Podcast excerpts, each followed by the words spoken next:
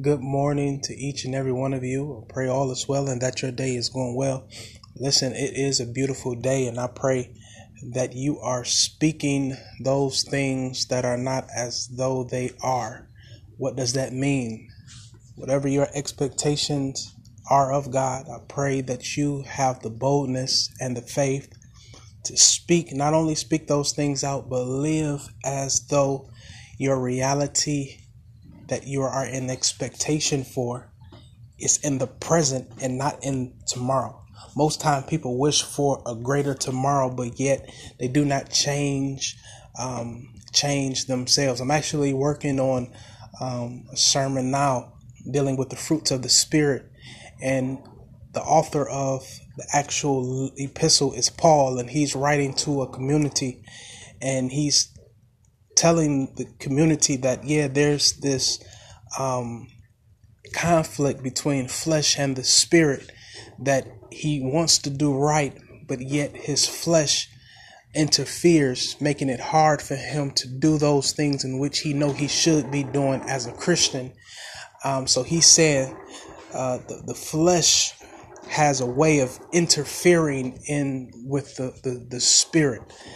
And uh, I know many of us have these same struggles that we are creatures that want to do right, but something is pulling us wrong, or some, on the contrary, are, are, want to want to do wrong, but yet there's a spirit inside of you that's telling you to do right. I was in that position once before where I tried my best to do, be the bad guy. I tried my best to go down the, the bad route, but there was a spirit of conviction which let me know that God um, elected me a long time ago and marked me a long time ago, uh, even when I was trying to be the bad guy.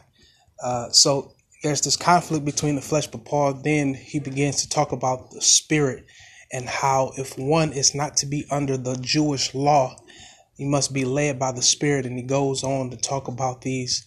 Um, the, these the, these spiritual fruits in which one has to uh, have and cultivate in order to be led by the Spirit that keeps you from being under the law. And yes, um, the the one thing that I do like about this was several things that I like, but one thing that stood out is that in order for a life to change, there has to be an internal shift.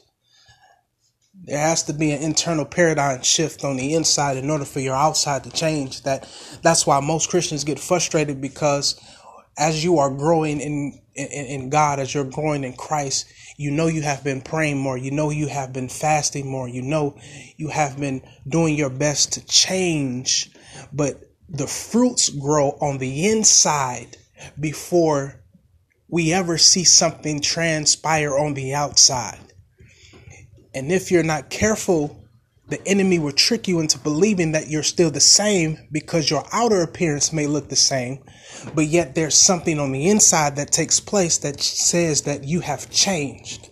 And that oftentimes God sends a test and trouble in order to show you that you've changed. Yeah, yeah, yeah. Come, come, come, come, come with me. Have you ever been in a position where something happened to you. And normally you would react out of anger, but now you don't act angry no more. You're a little bit more patient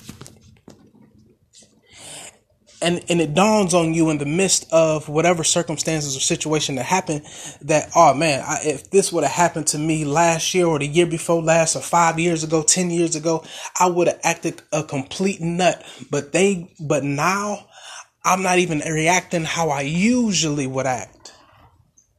These are signs of you're growing in christ.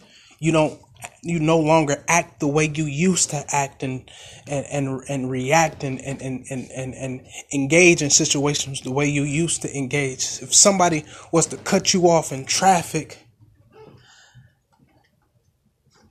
five years ago, you would have you would have said some choice words, but now you saying other words. So so so it's just talking about this whole transformation, that internal transformation is hard to see in times of easiness, but yet God sends test, trouble, uh, sometimes tragic situations to you in order to show you that you are growing in this Christian progress. Maybe you're not there yet, but it's okay. Um, keep on praying, keep on reading the Word of God. I believe His Word is living. David said in Psalm 42 that as a deer panteth for water, so does my soul thirst for the true and living God. Um, so does my soul thirst for the living God, excuse me, that yours you will get to that point as long as you your soul begins to thirst for God. That many people are in need of something and want something, but yet they don't know that their answer is really God and Jesus. So, but anyway, transformation has to take place on the inside before the world shifts on the outside, and that's that's that that's the reason why people are going through so many cycles, the same cycle year after year after year, um, because you're not changing on the inside. Yes, things around you are changing, but in order for things to get better, better relationships, better, uh, uh, better mindsets, better uh, uh, uh, uh, financial salaries, people have to change internally. You can't go in the storm the same way you went into the storm last time. You never know this. If the storm gets stronger and you don't change, this might be the storm that wipes you out. But if you get better and go into a big storm, you might have what it takes to overturn the storm. Come on now. So I, I, I'm I'm here to just remind you to keep keep the faith, keep growing in the spirit, and know that internal change happens first.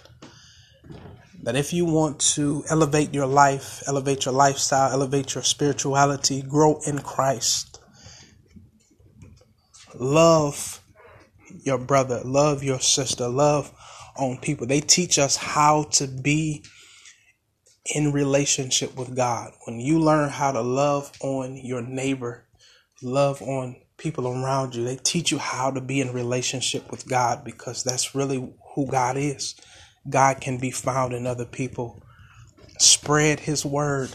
Cherish the person that you come in contact with. Spend time with them. I know our lives are chaotic and so much chaos, and we have to go from here to there and have to get there in a certain uh, amount of time, but there are there is room in this life for you to slow down long enough to engage someone other than someone you already know.